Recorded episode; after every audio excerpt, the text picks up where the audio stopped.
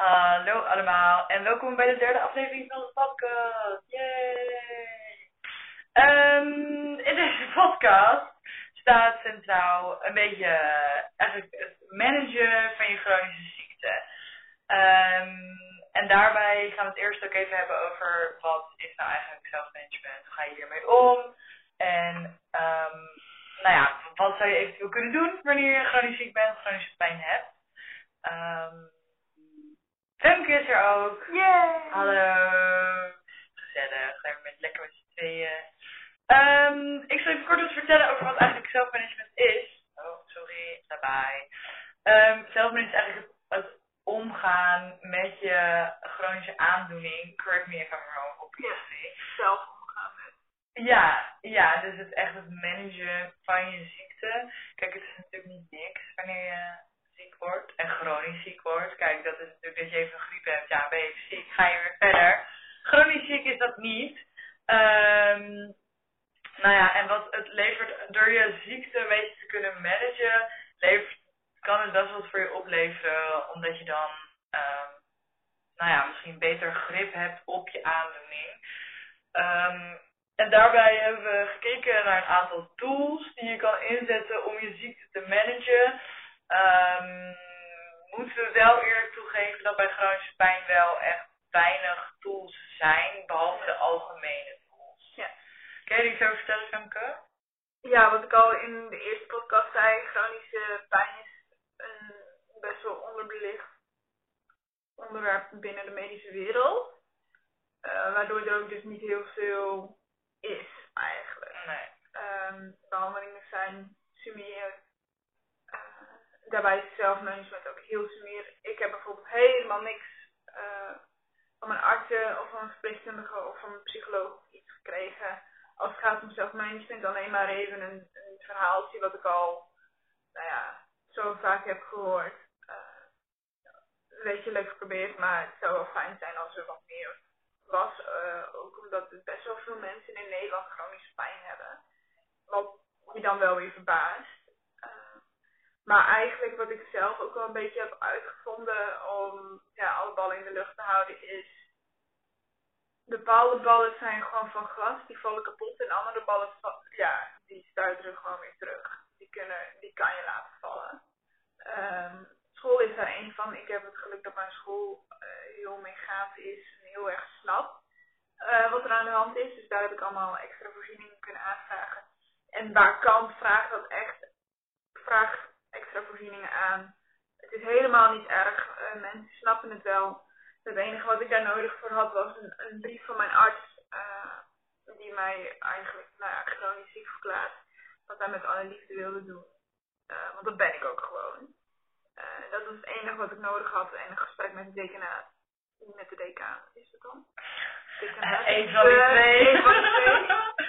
ja. Dat was wat voor mij voor school het belangrijkste was werk ben ik gestopt, want dat kan gewoon niet naast mijn school. En voor stage had ik dus dan extra bijzondere voorzieningen.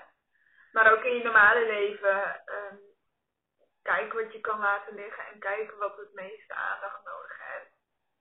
Uh, en prioriteer. Prior ik heb bepaalde mensen uh, waarvan, waar tegen ik heb gezegd van, weet je, ik heb, dat in het Amerikaans zit dat volgens mij spoons of een bones day of no bones dat is nu ook zo in.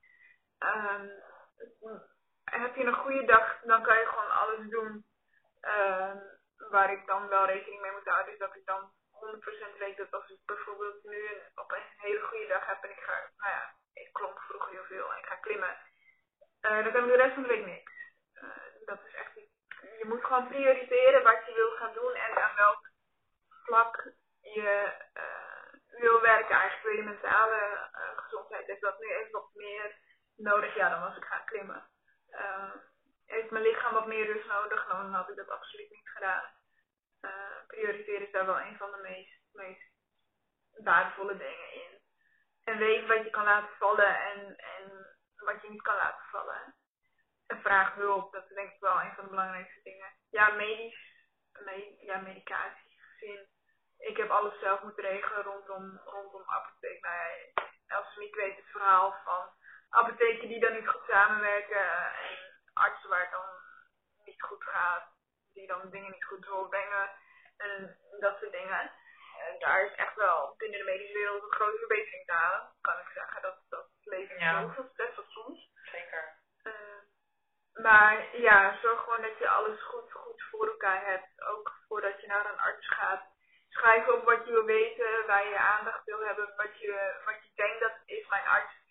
Uh, die vraagt mij ook heel erg om mee te denken. Nou weet mijn arts dat ik verpleegkunde doe, dus die, die, die weet ook dat ik dat kan. En als je kennistekort hebt of als je iets niet weet, zeg dat gewoon. Zeg dat ook gewoon tegen een arts. Ze zijn meer dan bereid om het uit te leggen voor je. Ja, ik denk ook als je bepaalde dingen gaat googlen, dat je er zelf gewoon niet uitkomt. Dus weet je gewoon iets niet, dan dat weet dan met het ziekenhuis wel zo aan je uitleggen dat je het wel begrijpt. En dat denk ik daarin ook wel belangrijk, dat je daarin wel gewoon ook um, dingen opschrijft. Wat ik uit mijn eigen ervaring weet, dat je op het moment dat je daar zit, dan weet je lang niet meer alles wat je wilde vragen. En thuis wel, dus hou dat bij. Maak een boekje of zo. Koop een boekje waar je van al je medische shit in zet. En, en schrijf van op wat je wil weten. En, en, en ook hoe bijvoorbeeld is gegaan de afgelopen periode. dan, dan krijgen ze daar ook meer inzicht in. Dat kan wel echt helpen, dat die afspraken ook wat overzichtelijker worden voor jezelf, denk ik. Ik heb ongeveer, vooral in het begin, uh, en dan nog een tijdje daarna, elke dag bijgehouden hoe ik me voelde. En daarin kan je wel een lijn zien van uh, wat de aanleiding kan geweest zijn dat ik me slechter of beter ben gaan voelen. Ja. Uh, en dan kan je daar gewoon meer, meer op letten en ja, kijken van oké, okay, dat kunnen we dus vaker doen door of mentaal beter te voelen of, of lichamelijk beter te voelen. Uh, het is ook wel heel erg mooi om dan die lijn zelf te zien van oh, dus als ik dat doe, dan, dan werkt dat dus blijkbaar soms zijn hele rare dingen, bepaalde dingen die ik opeens niet meer kon eten, omdat ik me daar zo slecht door voelde. Uh, en het zit hem gewoon ook in de kleine dingen. Ja, maar ik denk ook net wat je zei, van, hè, van het klimmen, dat je daar bewust voor kiest. Ik denk door in het begin juist heel erg nou, een beetje op te letten van wat, wat doe ik en wat zijn de gevolgen ervan, leer je jezelf heel erg kennen. En weet je op een gegeven moment ook, oké, als ik nu wel een keer ga klimmen of wel een keer ga sporten, dan moet ik daar wel gewoon drie of vier of vijf of zes dagen van bij komen. Um, maar daar heb ik nu zin in, dus ik doe dat nu en de gevolgen accepteer ik. Ja. Maar ik denk, als je jezelf daarin nog niet kent of genoeg kent, kan ik me voorstellen dat het lastig is. Daarom zou ik ook misschien wel iets van een dagboek, nou een dagboek is dan meer zo, zo kinderlijk of zo, maar gewoon iets, ja, gewoon iets op papier neerzetten van nou goed, wat heb ik gedaan en hoe voelde ik me daarbij. Dus zodat je ook wat meer leert, je lichaam leert kennen, denk ik. En wat kan wel, wat kan niet. En, en ja, als ik wel een keer over die grens ga, wat doet dat dan met mij? En daarin kan je dan op een gegeven moment betere keuzes maken, denk ik, in wat je doet. Ja, klopt. Dat, ja, eigenlijk precies wat je zegt. Je leert je lichaam gewoon ja, van binnen naar buiten kennen. Uh, en je leert wat het beste is voor je lichaam en, en wat niet zo goed voor je lichaam is. Maar het, het, en wat ik denk dat het ook is, het moet niet alleen om je lichaam gaan. Je mentale gezondheid is daarbij net zo als meer belangrijk. Uh, Ik heb maanden gehad dat ik niet heb geklommen. Nou, dat merkte ik mentaal heel erg. Ik ben echt een actief persoon. Uh, als ik een week achter elkaar nou, hier thuis zit, niks zit te doen. Ja, dat gaat mijn hoofd niet leuk vinden. Nee. Dus het is echt, echt jezelf leren kennen en zelf weten wat het beste voor je is en, en ja, wat jou helpt en, en waar je de, de uh, happy moments uit kan halen. Ja, nou ik denk ook wel dat je vanuit het ziekenhuis of vanuit, je, vanuit de zorg die je krijgt ook best wel mag vragen naar psychische ondersteuning. Ja, zeker. Daarmee hoef je niet te wachten totdat het misgaat of zo, weet je. Het is best wel een deal, een big deal, weet je wel, in je leven opeens. En, en daar moet je daar wel gewoon leuk mee om zien te gaan. Terwijl het helemaal op jezelf dat doen en dat zeg maar managen en waar we het ook over hebben, dat, dat is niet zomaar iets wat je gewoon even doet. Even leuk lallend. En want daarin is het natuurlijk ook best wel een big shocker van oké, wat is nou eigenlijk met me gebeurd en, en, en hoe gaat het komen? Ja, precies. Je raakt uh, het vertrouwen in je lichaam heel erg kwijt. Uh, opeens doet het het niet meer, opeens doet het niet wat het moet doen. Uh, ik heb heel erg lang gewacht, vind ik zelf, totdat ik aangeklopt heb bij een psycholoog. En dat heeft best wel veel uh, gevolgen gehad voor mij, maar ook voor mijn familie. Uh, wat toen echt niet leuk was. Dus ik denk dat dat ook wel binnen de zorg eerder, vooral als je jong bent, als je ouder bent, snap ik dat ook wel.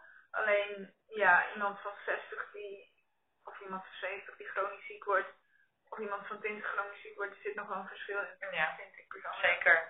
Um, maar het psychische aspect mag daar echt wel wat meer in meegenomen worden binnen de, de, de, zorg. En niet alleen bij chronische pijn, maar bij, bij alles. Bij, bij alles wat er is. Zeker. Het is zo'n klap ineens. Maar ik denk dat het daardoor des te beter is dat je zelf ook aangeeft, goh, ik heb hier behoefte aan. Want, dan, want daar kunnen verpleegkundige artsen kunnen daar gewoon wat mee. Zeg maar. Om daar, daar, en, en eigenlijk vind ik bijna zelfs dat het gewoon je aangereikt moet worden. Ja, deze zeker. opties. Maar dat gebeurt gewoon eigenlijk nog te weinig. Uh, maar dat is best wel, ja, dat is, dat is best wel een belangrijk onderdeel. Ja, ik, ik weet van mezelf dat ik stront eigenwijs ben. En dat ik met dat soort dingen heel erg lang ga wachten. En ik wist in het begin ook niet dat dat, dat, dat, dat het er was, dat dat, dat kon. Nee. Dat als je chronisch ziek bent, dat het eigenlijk bijna vanzelfsprekend is dat je uh, met een psycholoog of met een psychiater of POH of, of weet ik wie dan ook uh, uh, gaat praten. Ja. Nou, ik denk dat het best wel een, een groot onderdeel is van, ook al ben je stoer en sterk, ja. dan nog doet het psychisch wat met je. Ja, zeker. Dus ja, maar dat je ook goed gedaan om met de psycholoog en de POH en zo Ja, uh, ik was heel suicidaal geworden omdat ik gewoon niks meer kon. En dat was in de zomer van 2020, ook net toen met corona. Um, dus ze, ze, zaten al redelijk vol en toen moest ik uiteindelijk, uh, werd er nog gesproken dat ik ja, opgenomen moest worden omdat ik zo suicidaal was. Maar uh, dat bleek uiteindelijk zo te zijn omdat uh, de pijn zo erg was, wilde ik dat het stopt. En ja. ik zag de enige uitweg helemaal stoppen. Mm -hmm.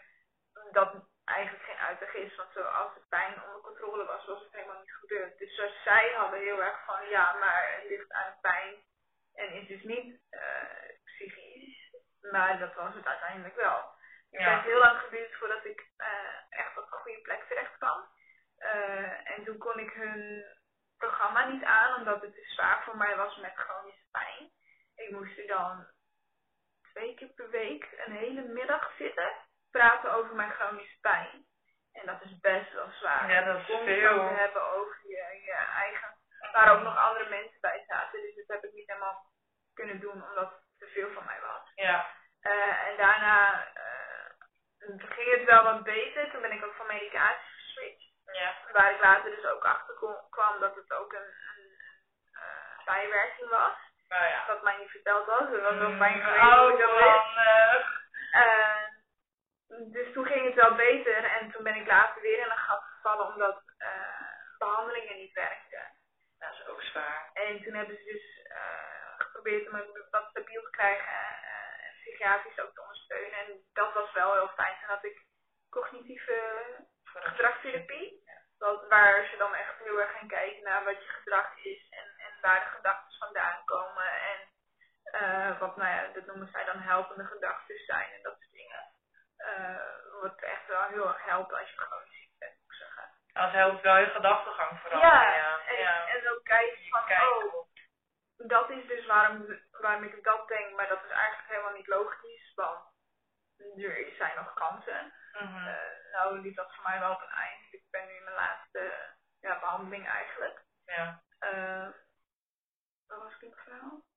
Maar dat was, ja, dat was wel iets wat mij heel erg hielp. En toen ben ik overgegaan naar de POH uh, praktijkondersteuning van de huisarts, die toevallig zelf ook chronisch ziek is. Wat, wat, ja, toevallig. Ja, wel toevallig. En daarbij snap je ook, uh, je voelt je meer begrepen dan iemand die tegenover je zit, die gewoon een gezond lichaam heeft. Ja. En die wel, kan wel van alles zeggen, maar ja, je hebt toch nog steeds wel het idee van, ja, je snapt het niet helemaal. Want Ja.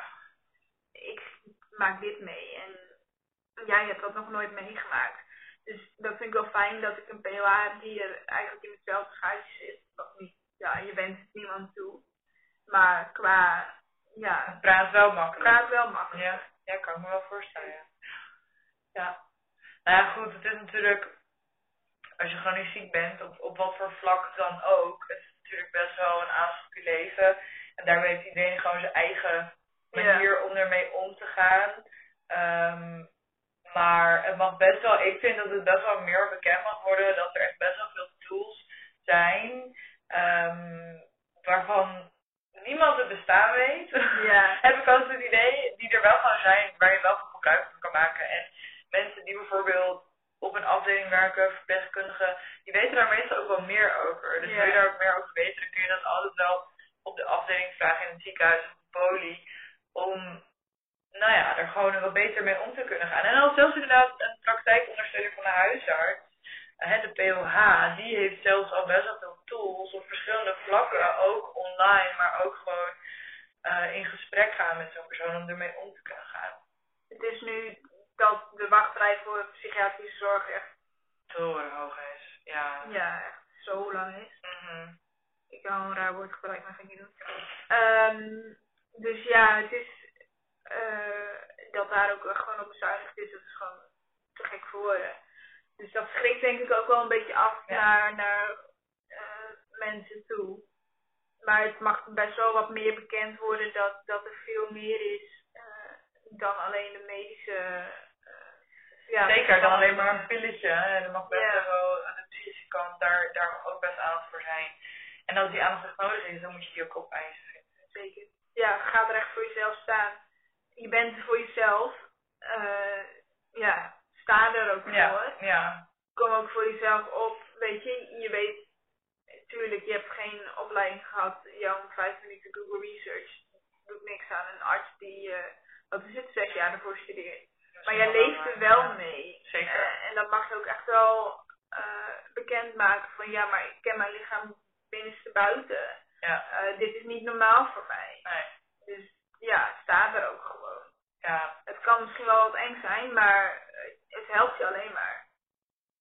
Ja, ja mooi gezegd hoor, heel mooi gezegd. Ja, een beetje eigenlijk gewoon je plek op, want jij mag er ook zijn. En uh, maak het ook duidelijk. Precies, ja. ja. Ik denk dat dit er wel was. Ja, ik, ik zit ook nog even te denken wat ik qua zelfmanagement.